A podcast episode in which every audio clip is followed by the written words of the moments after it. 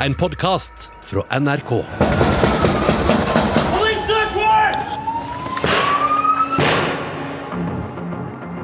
I en massiv internasjonal politioperasjon ble kriminelle over hele verden arrestert denne uka. Flere enn 800 personer er pågrepne været over i en av de største internasjonale politiaksjonene som noen gang er gjennomført. Police have their hands full.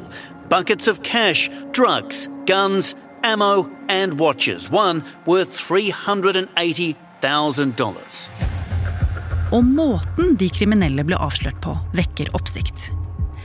For da de kriminelle chatta med hverandre på en helt ny kryptert app, ante de ingenting om hvem som egentlig styrte hele appen.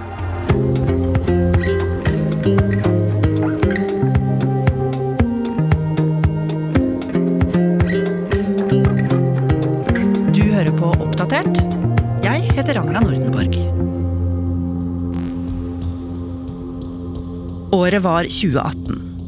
Det amerikanske politiet, FBI, var på sporet av en hemmelig mobilapp som var designa for kriminelle. Den krypterte mobiltjenesten het Phantom Secure og var en app der folk kunne skrive uforstyrra til hverandre om dophandler, smugling og planlegging av drap. FBI slo til og stengte ned hele greia. Men etterforskningen av saken fortsatte. Og da møtte de en mann som skulle bli svært viktig for dem framover. Og Øyvind Bye Skille, du er datajournalist her i NRK og har fulgt med på denne saken. Hvem var denne mannen, og hvorfor var han så viktig? Han var en av gjengen bak denne Phantom Secure-appen, og blant annet så hadde han hjulpet til å selge den til kriminelle, så han hadde mange kontakter. Men han ville egentlig utvikle sin egen app så han kunne tjene enda mer penger, og det her fortalte han til FBI. Og ikke lenge etter møtte FBI sine kollegaer i australsk politi. De to landene hadde nemlig lenge samarbeida for å avsløre hvordan de kriminelle snakka sammen på nettopp krypterte apper.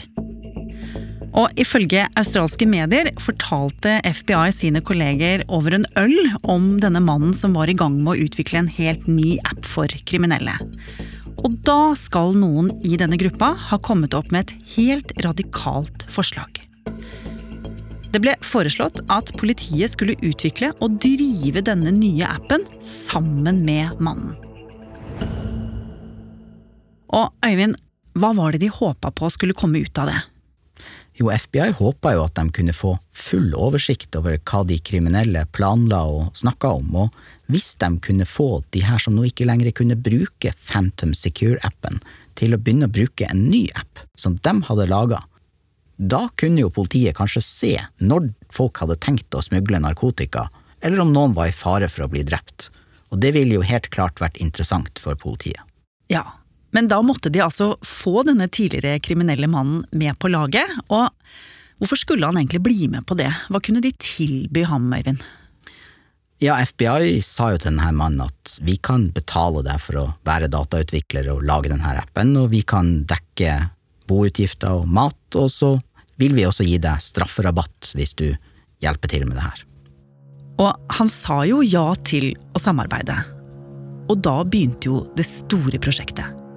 Lage denne appen, og lage den så bra at de klarte å lure kriminelle til å begynne å bruke den. Og hva var egentlig konseptet?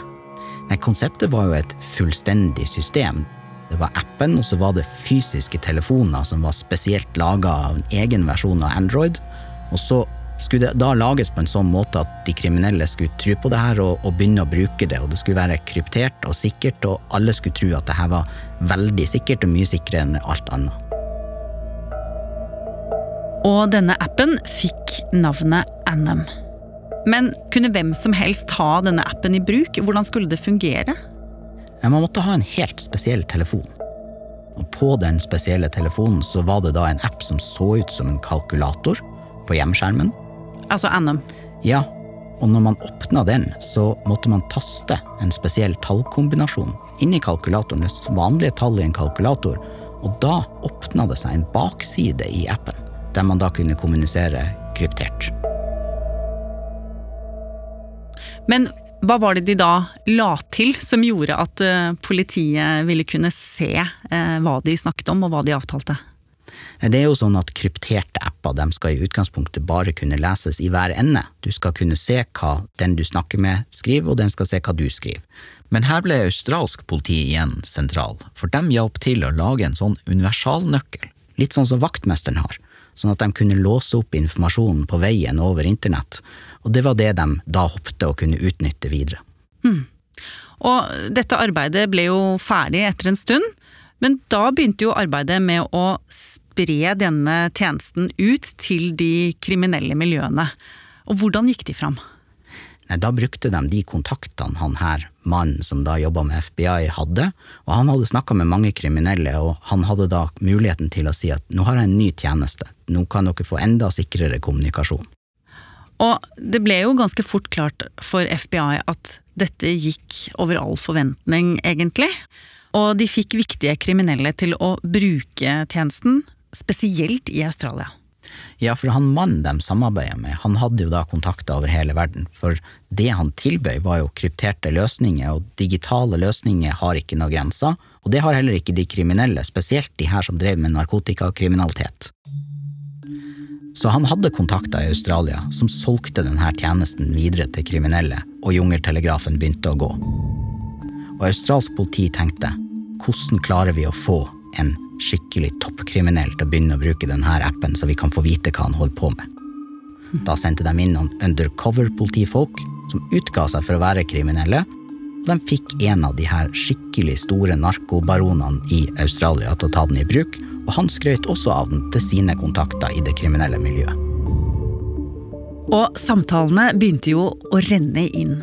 Og det oppsiktsvekkende var jo at de kriminelle brukte ikke noe kodespråk. De skrev rett ut hva det var snakk om.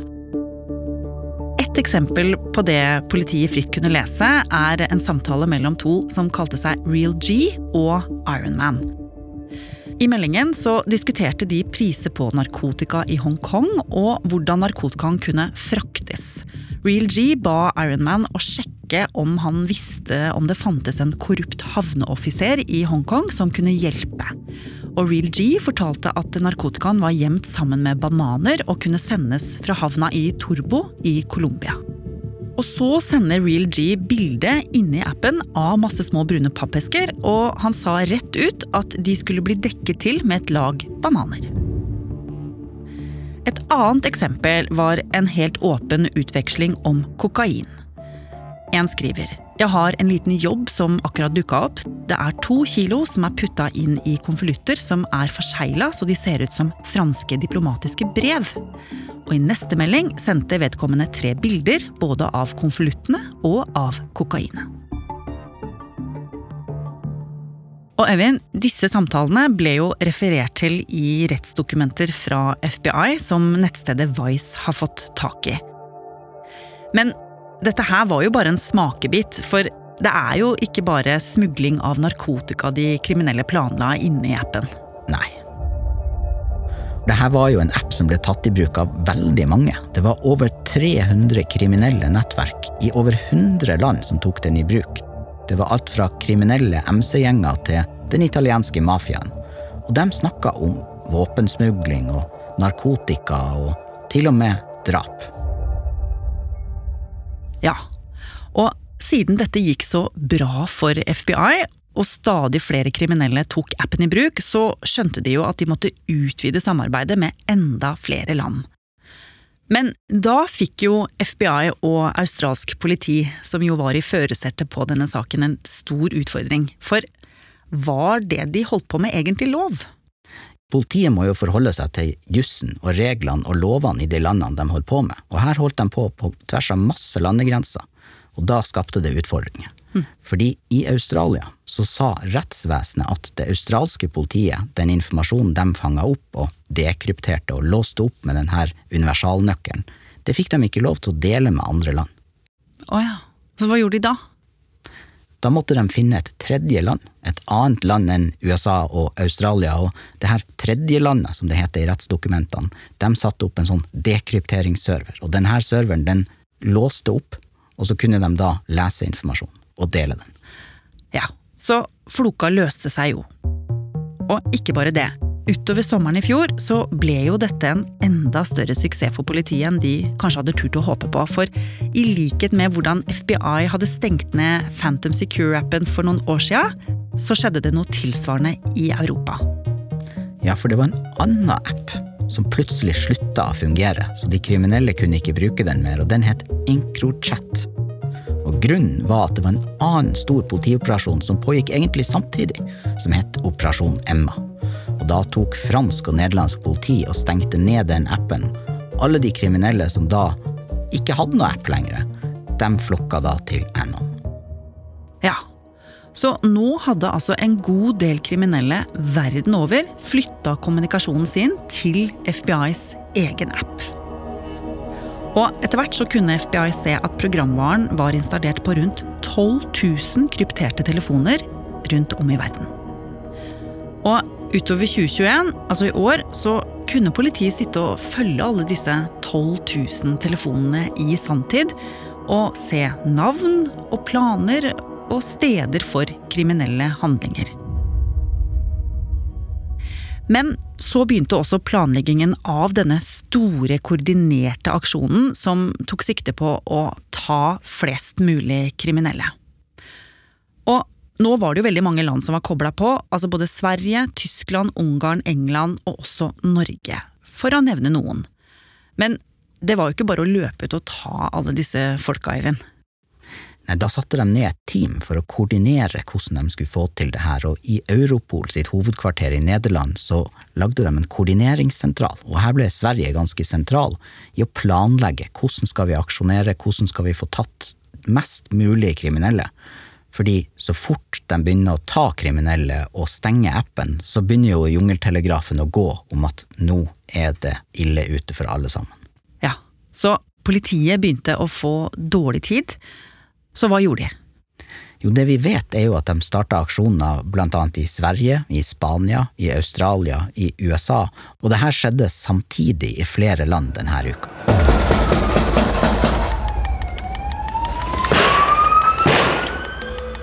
Bilder fra Australia viser menn med hendene i strips bak på ryggen bli ført ut av hjemmene sine av politimenn i kamuflasjeuniformer bevæpnet med automatgevær. Bikie gangs here in Sydney, along with mafia clans and international drug cartels, have all been duped. Andre bilder viser bevisposer stappfulle av sedler. Svarte gymbager som tømmes for poser med hvitt pulver, og rådyre sportsbiler og motorsykler som blir fraktet vekk.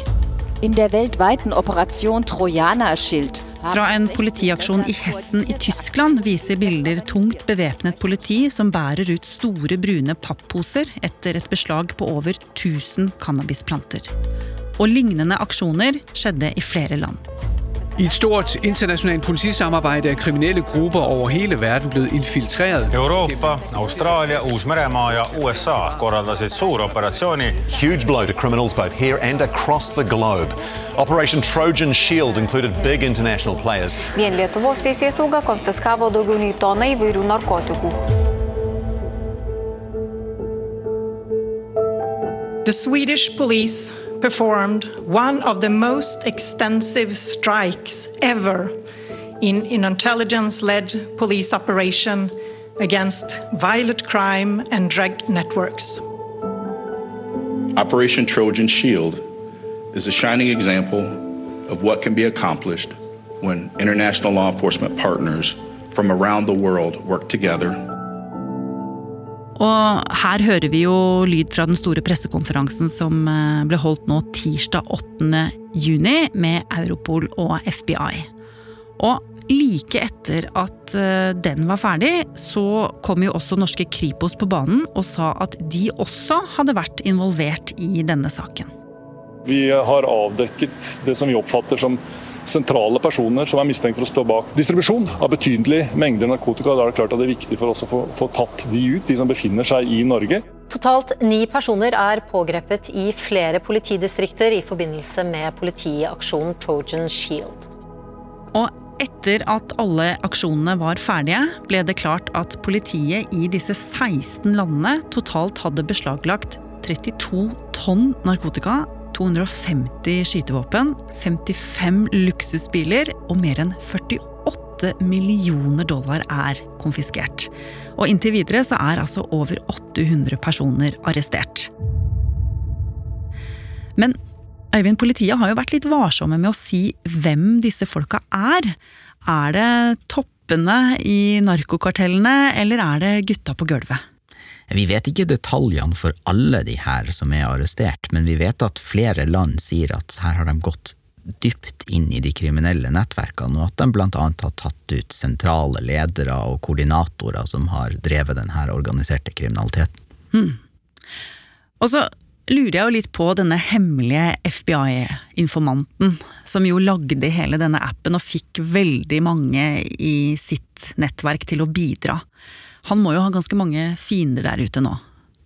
Ja, det vi vet er jo at uh, han samarbeida med kriminelle som han hadde brukt som sine selgere og distributører, og flere av dem er jo fortsatt på frifot, så han er nok sannsynligvis tatt vare på av noe vitnebeskyttelse eller lignende, fordi hvis de finner han, så, så vet vi jo at her er personer i her, de her nettverkene som har vært villige til å bestille drap og lignende.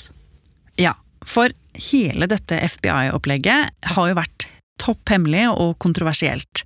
Og nå de siste dagene så har det jo også kommet flere reaksjoner på nettopp metoden. Hva er det de får kritikk for?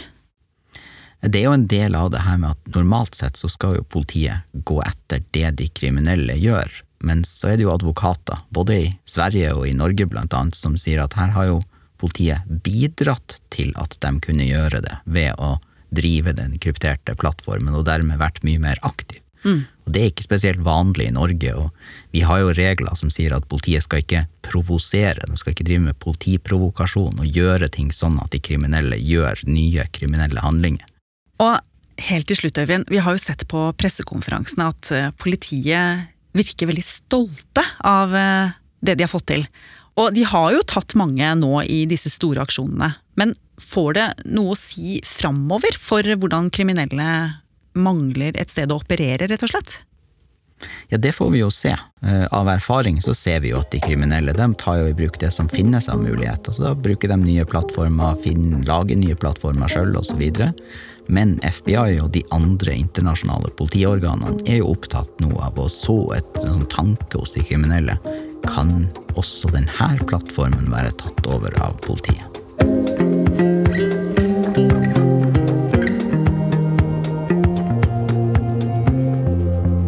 Har du lyst til å bli fast lytter av oss i Oppdatert og få påminnelse om nye episoder, er det bare å følge oss i NRK radioappen. Og så er det veldig hyggelig hvis du vil anbefale oss til en venn. Oppdatert er en podkast fra NRK Nyheter. Og denne episoden er laget av Irina Kjelle, Bendik Hansen, Pål Gauslå Sivertsen, Andreas Berge og meg, Ragna Nordenborg. Knut Are Tornås er redaksjonssjef. Vil du kontakte oss, gjør gjerne det på oppdatert krøllalfa nrk.no. Du har hørt en podkast fra NRK. Hør flere podkaster og din favorittkanal i appen NRK Radio.